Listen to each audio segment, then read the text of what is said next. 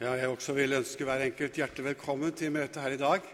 Og si at det er godt å være tilbake, selv om jeg hadde det helt fantastisk på Flekkerøy nå i to uker.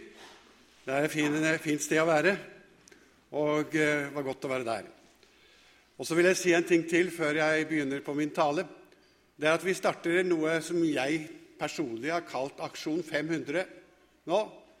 Ja, Dere kan tenke godt at dere gir 500 kroner i kollekt. Det hadde vært ok. Det, det, må dere tenke uavhengig av det. Men dette er altså, vi, ha, vi, har litt over 400 medlemmer her. 412, 13, litt variasjon 12 eller 13. Men før jul så bør vi være 500 medlemmer i denne forsamling. Og da har jeg begynt å kalle det i min tanke Aksjon 500. Og det er noen som kanskje tror at de melder seg inn i et kirkesamfunn med å melde seg inn i Misjonssalen som forening. Det gjør de ikke. Så det er velkommen til å melde deg inn om du er medlem i Norsk kirke eller hvor du er medlem i kirkesamfunn, men meld deg inn her. Det vil bare si. Hjertelig velkommen til å gjøre det. Nå skal Jul si mer om det senere, så da kommer det til å bli fullt trøkk på det. Men jeg vil bare ta minne om det til å begynne med, slik at jeg er forberedt på det som Jul kommer til å si. Yes. Da skal vi reise oss, og så leser vi dagens eh, tekst. Og Det står i Lukas' evangelium, det 13. kapittel, fra vers 10 til og vers 13. En sabbat underviste han i en av synagogene. Der var det en kvinne som hadde vært plaget av en sykdomsånd i 18 år. Hun var helt krumbøyd og kunne ikke rette seg opp. Da Jesus fikk se henne, kalte han henne til seg og sa, 'Kvinne, du er løst fra sykdommen din.' Han la hendene på henne, og straks rettet hun seg opp og lovpriste Gud. Men synagogeforstanderen ble forarget fordi Jesus helbredet på sabbaten, og han sa til forsamlingen.: Det er seks dager å arbeide på. Da kan dere komme og la dere helbrede, men ikke på sabbaten. Hyklere, svarte Jesus. Løser ikke hver eneste en av dere oksen eller eselet fra båsen også på sabbaten og leier dem ut så de får drikke? Men her er en Abrahams datter som Satan holdt bundet i hele 18 år. Skulle ikke hun bli løst fra denne lenken på en sabbat? Da han sa det, måtte de skamme seg, motstanderne hans. Men alle som var samlet, gledet seg over alt det underfulle han gjorde. La oss be. Herre Jesus Kristus, vi takker deg for ditt hellige ord. Og nå ber vi deg, Jesus, om at du må åpenbare dette ordet for våre hjerter, slik at denne teksten, det du her gjorde og sa, virker det du hadde tenkt. Det ber vi om i ditt navn. Og Herre Jesus, så ser du at vi har noen som er kronisk syke, som har det vondt i forsamlingen. Vi ber spesielt for de. Og Så ber vi for Marie, som ba spesielt om forbønn, som har fått kreft, og som vi lovet å ta med i dag. Herre Jesus, vær hos henne og de andre som lider. I Jesu navn. Amen.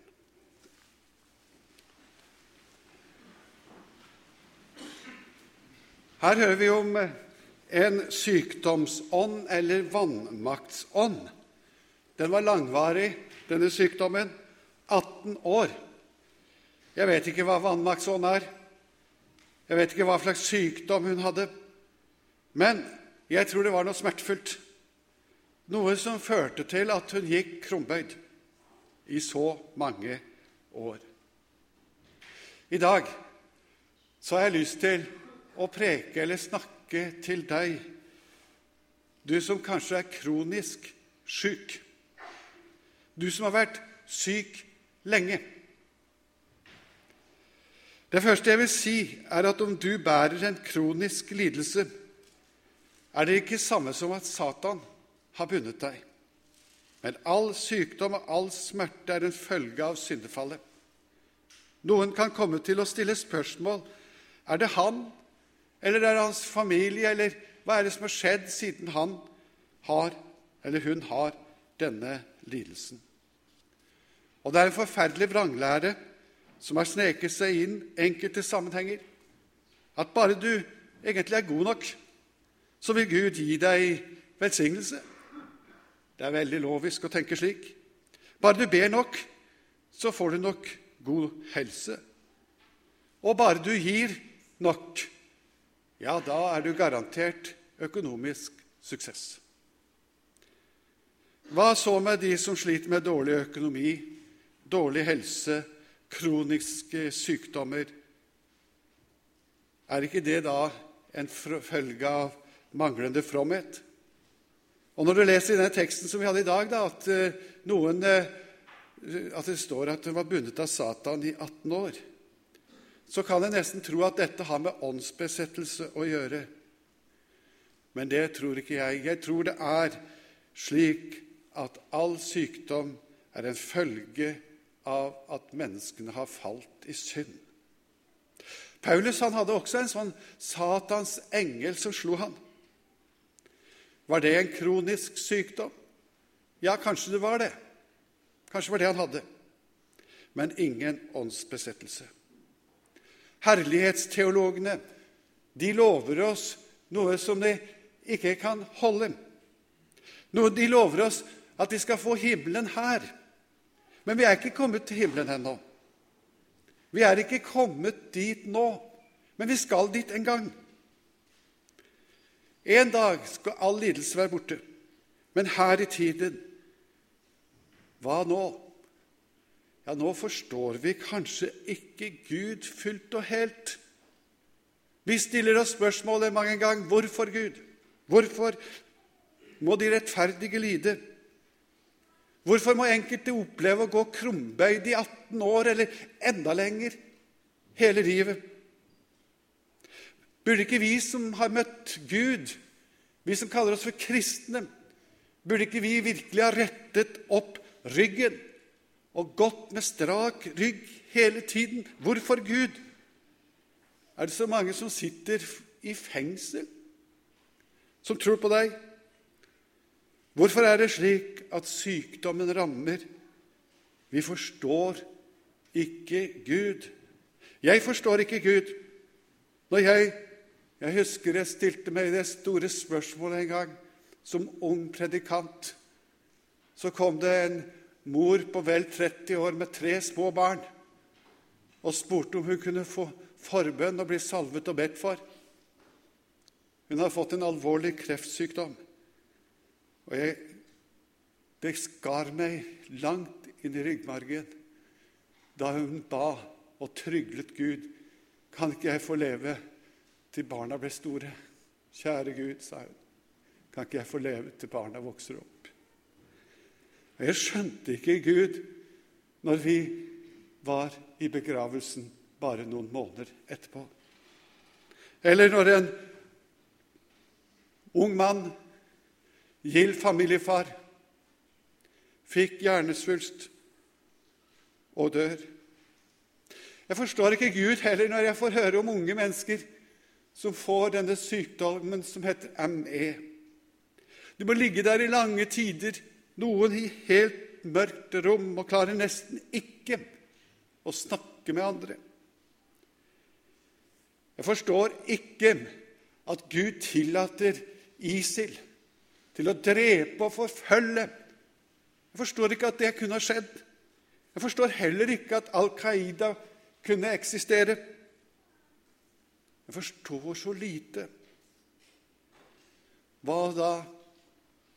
Det første vi må si til hverandre, det er at Gud, Bibelen, den har faktisk ikke gitt oss løfter om et smertefritt liv her på jorda. Tvert imot. Den har fortalt oss at i de siste tider skal det bli vanskelige tider. Det skal kanskje bli vanskeligere og vanskeligere helt til Jesus kommer igjen. Det er det han har sagt til oss. Og det må vi si til hverandre. Men hva skal vi si da til de som har en langvarig, kronisk sykdom. Det første jeg har lyst til å si, det er at Gud er ansvarlig. Gud har ansvaret. ansvaret. Bibelen gjør aldri noen forsøk på å frata Gud ansvaret sjøl om det vonde skjer. Det er Gud som rår. Og Gud har ikke trett ned fra tronen. Han er der ennå. Sjøl om det vonde skjer. Om han ikke har villet det vonde, så har han jo makt til å hindre det, kan vi tenke. Han er ikke så liten Gud og så svak at han ikke har makt til å forhindre det vonde. Men hvorfor gjør han det ikke? Nei, se det, det kan vi ikke svare på. Jeg tror at det er to grøfter å falle i. Den ene er liksom hvis du går bort til en som har fått en kronisk alvorlig sykdom eller lider en, av en annen måte, og så går du og sier til han det er vel en mening med det. Hvis noen hadde sagt det til meg enkelte ganger, så tror jeg jeg hadde dratt opp høyrehånda hvis jeg hadde hatt kraft til det. Og så, og så, nei, jeg hadde ikke gjort det. Men jeg hadde iallfall tenkt og hatt lyst til det. Det er dårlig sjelesorg. Eller den andre grøfta, som, som kanskje har vært lett å falle i også, det er at vi sier at dette er helt meningsløst. Skal vi kunne si det? Det er helt meningsløst, det som skjer nå. Nei, vi har ikke lov til å si det heller. For Gud, han er på tronen ennå. Og vi vet ikke hva Gud mener med det, men at det er meningsløst, at det, at det, at det, at det liksom er overlatt helt til kaos, det er det slettes ikke. Det andre jeg har lyst til å si til deg, du som er kronisk eller har en langvarig lidelse det er at når Gud er ansvarlig, så er det slik at du har rett til å klage til Han. Det er et vesentlig poeng. Du skal få rope til Han, klage til Han, si til Han Dette skjønner ikke Gud. Du skal få lov til å øse ut din smerte overfor Gud. Det er helt fantastisk at vi skal få lov til det. Bibelen har mange klagesanger. Bibelen har mye klagerop fra mennesker som har opplevd nettopp slike vansker. Og det tredje som jeg har lyst til å si til deg, det er at Guds svar som tider er helt annerledes enn det vi tenker at han vil svare. Hvorfor, spør vi. Men Gud gir oss egentlig ikke noe svar på det. Vi får ikke se inn i den måten hos Gud å tenke på. For noen uker siden, to-tre uker siden så hadde jeg en tale her i misjonssalen til ungdommene om Jobb og Jeremia. Begge to, både Jobb og Jeremia, hvis du leser Klagesangen og Jobbs bok, så ser du at de følte seg i perioder som en slags hoggestabbe eller skyteskive, bruker de som uttrykk. For Gud. Det er litt rart. Guds skyteskive. I enkelte familier så er det jo noen som opplever kanskje både bli mobbet og hakket på. Og det tar vi jo sterk avstand fra. Det er helt forferdelig når sånt skjer. Men Jobbs følelse da han opplevde at han ble rammet av ulykke etter ulykke. Det var Gud. Nå føler jeg meg som ei skyteskive fra deg. Hva gjorde han? Han la ansvaret over på Gud. Han trodde på Gud, selv om tragedien rammet ham. Gud er mye større enn lykke og ulykke. Gud er Herre. Jesus er konge også i de dager tragedien rammer. Det er det vi lærer når vi leser disse bøkene i Bibelen. Og så ser vi at både Jobb og Jeremia eller Jeremia han ble en trofast profet og forkynner, selv om han gråt, selv om han opplevde motstand, selv om han opplevde det ene etter det andre. Og jeg syns at Jobbs vitnesbyrd også er fantastisk sterke. Jeg vet at min løse lever, og som den siste skal han stå frem på støvet. Og når denne min hud er fortært, så skal mine, mine øyne, roper han på en måte fra asken. Se Gud! Ja, mine. Ikke en annens øyne, men mine øyne skal skue Herren. Hva er det for noe? Det er en som har fått en stor Gud, en som har sett en stor Gud, som ser hvor stor Gud er. Han er herre over alt dette.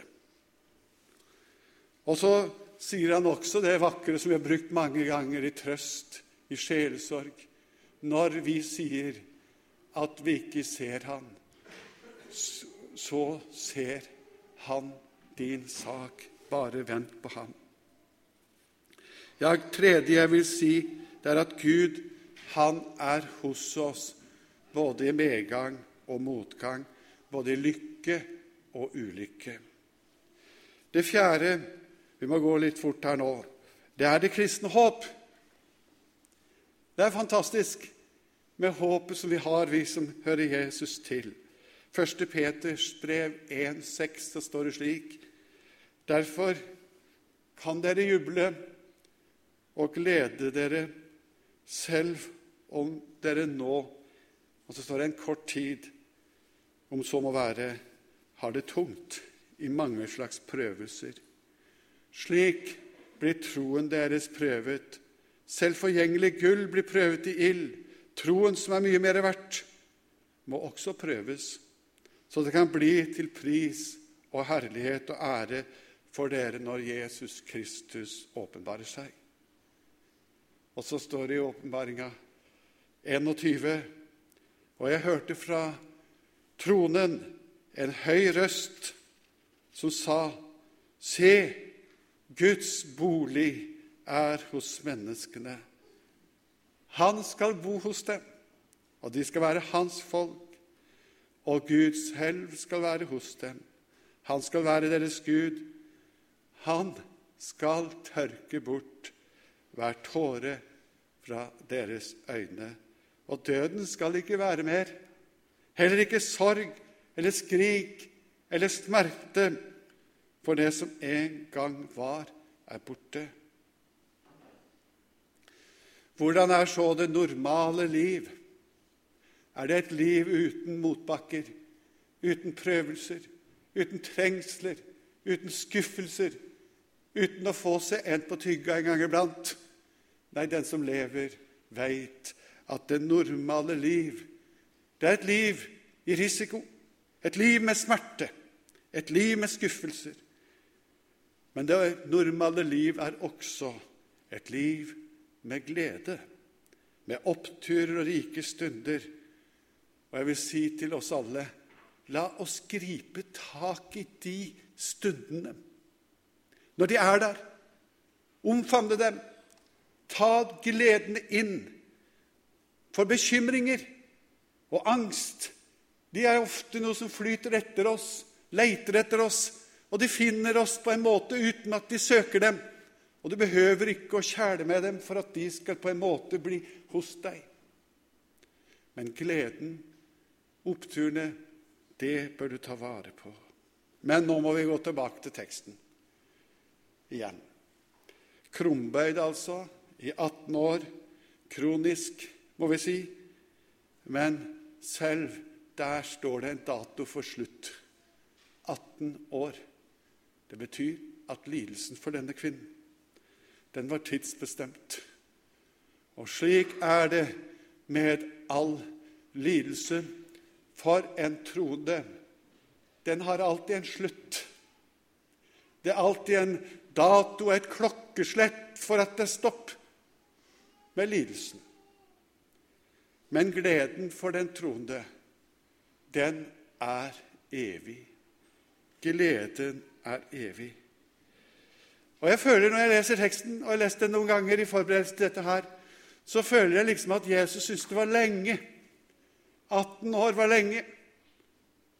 Han sier at han, han hadde på en måte ikke når, når tiden var over, når lidelsen var over, så hadde han ikke tid til å vente til hverdagen med å gjøre jobben. Han måtte gjøre det med en gang. Han syntes det var så lenge, så tok tak. Han kunne ikke vente til sabbaten var over. Nå er det nok, sa Jesus.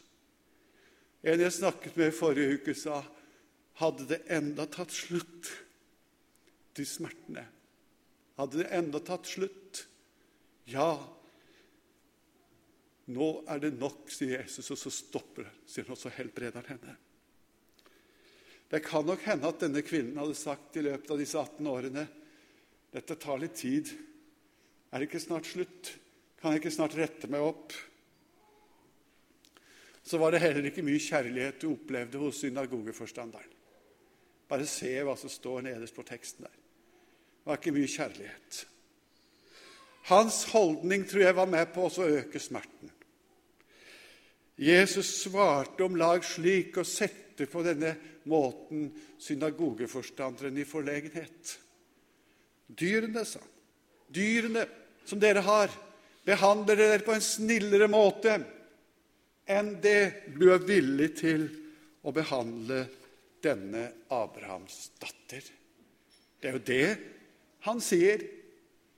Og det fikk meg til å tenke er det noe, er det noe å si, da? Gjør vi det som betyr? Gjør det norske samfunn det som betyr? Og Det er ikke jeg som har dratt opp dette bildet, det er Jesus. Og jeg tenkte nå sender norske myndigheter og Vi snakker om flyktninger i dag. De sender til konvertitter tilbake til Iran. Og de vet at de kan risikere fengsel. De risikerer dødsstraff. De risikerer masse vonde ting. Men det er ikke så nøye, det. Samtidig så er det tusenvis som demonstrerer for pelsnæringen. Jeg er helt sikkert at vi skal ta vare på pelsdyra våre. Vi skal være snille mot dem. Ikke noe med det. Men sett disse to bildene mot hverandre, så ser du litt om hva Jesus sier i den teksten. Han sier at dere har på en måte mer omsorg for dyrene dere enn de har for en Abrahams datter. Det er det Jesus sier her. Og så, og så går han inn. Og jeg tenker at vi har faktisk noe å gjøre i det norske samfunnet. Og kanskje vi på enkelte spørsmål, sjøl om Norge er et av de beste land i verden å være i, så er det på enkelte områder ting som det norske samfunn gjør, så vi må skamme oss litt, vi òg. Det tror jeg. Og Jeg bør ikke gå dypere inn i det, for da blir det et politisk foredrag, og det skal det ikke bli. Men i dag så er det de som er forfulgt for evangeliet, vi er samlet om. Så har jeg lyst til å si helt til eh, Som en liten eh, går mot slutten, eller mot landing, eller hva dere vil Vi skal eh, søke litt hjelp hos det, en slags sjelesorg hos Paulus. At Selv om vi predikanter og vi går rundt her, så, så går vi jo på en måte ganske rakryggede, mange, mange sånn. Men det går an å være åndelig krumbøyd, har jeg tenkt. Jeg har tenkt det. Og jeg kan tenke at det går an å være det. Å være på en måte bundet sånn. Og jeg tenkte på Timoteus. Han var egentlig det i en periode. Åndelig krumbøyd. Og da er det Paulus sin sjelesorg til han som opplevde denne motløsheten som jeg kaller for åndelig krumbøydhet. Og jeg leser hva sjelesørgeren, den eldre som sitter fanget Jeg takker stadig for deg, Timoteus, og jeg husker på deg dag og natt i mine bønner til Gud. Tenk å høre det. Som jeg tjener med ren samvittighet, slik som mine forfedre. Timoteus, jeg glemmer ikke tårene dine, og jeg lengter etter å se deg igjen. Det vil gjøre meg inderlig glad. Jeg husker din oppriktige tro, som først bodde i din mormor Louis og din mor Evnike, og jeg er overbevist om at den også bor i deg. Derfor, Timoteus, vil jeg minne deg om dette. La Guds nådegave i deg flamme opp på nytt. Den som du fikk da jeg la hendene på deg. For Gud gav oss ikke en ånd som gjør motløs. Vi fikk ånden som gir kraft, kjærlighet og visdom. Skam deg da ikke over vitnesbyrdet om vår Herre, og heller ikke over meg. Selv om det, Timoteus, kårene som kristne akkurat nå er litt vonde. Jeg er jo fange for hans skyld. Men bær lidelsene, du, Timoteus, for evangeliet. Du også, i den kraft Gud gir. Det var sjelesorg. Han, sier han, og så peker han den veien. Han frelste oss, Timoteus. Deg og meg og hele verden frelste han. Han kalte oss med et hellig kall ikke på grunn av at vi var noe spesielt prektige. Nei, etter sin egen vilje og nåde. Å, kjære nedbøyd og krumbøyd og motløse ting. Må du rette opp nå, og så se. Se, det er Han som har begynt den gode gjerning i deg.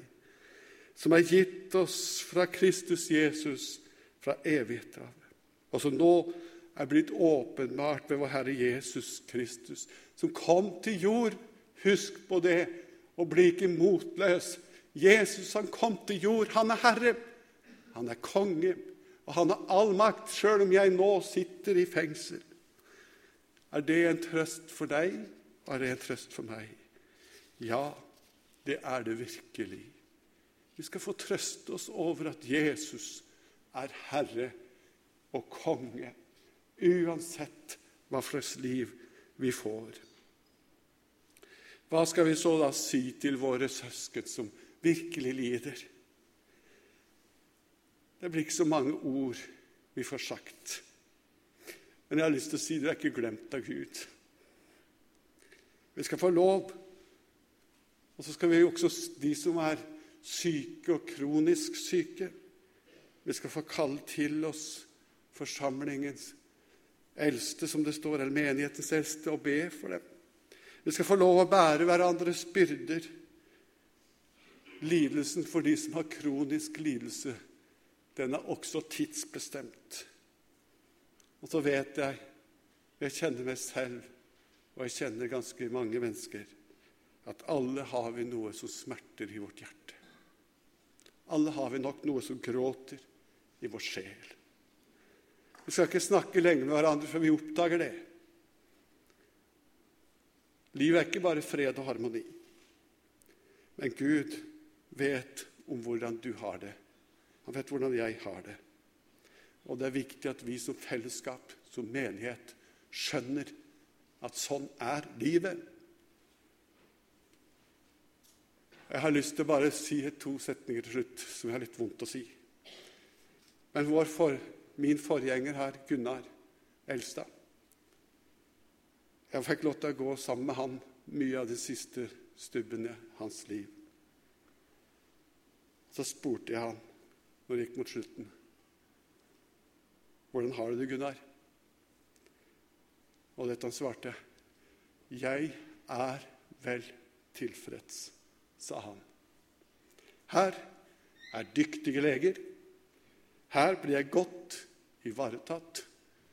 Og så føler jeg at Jesus er hos meg.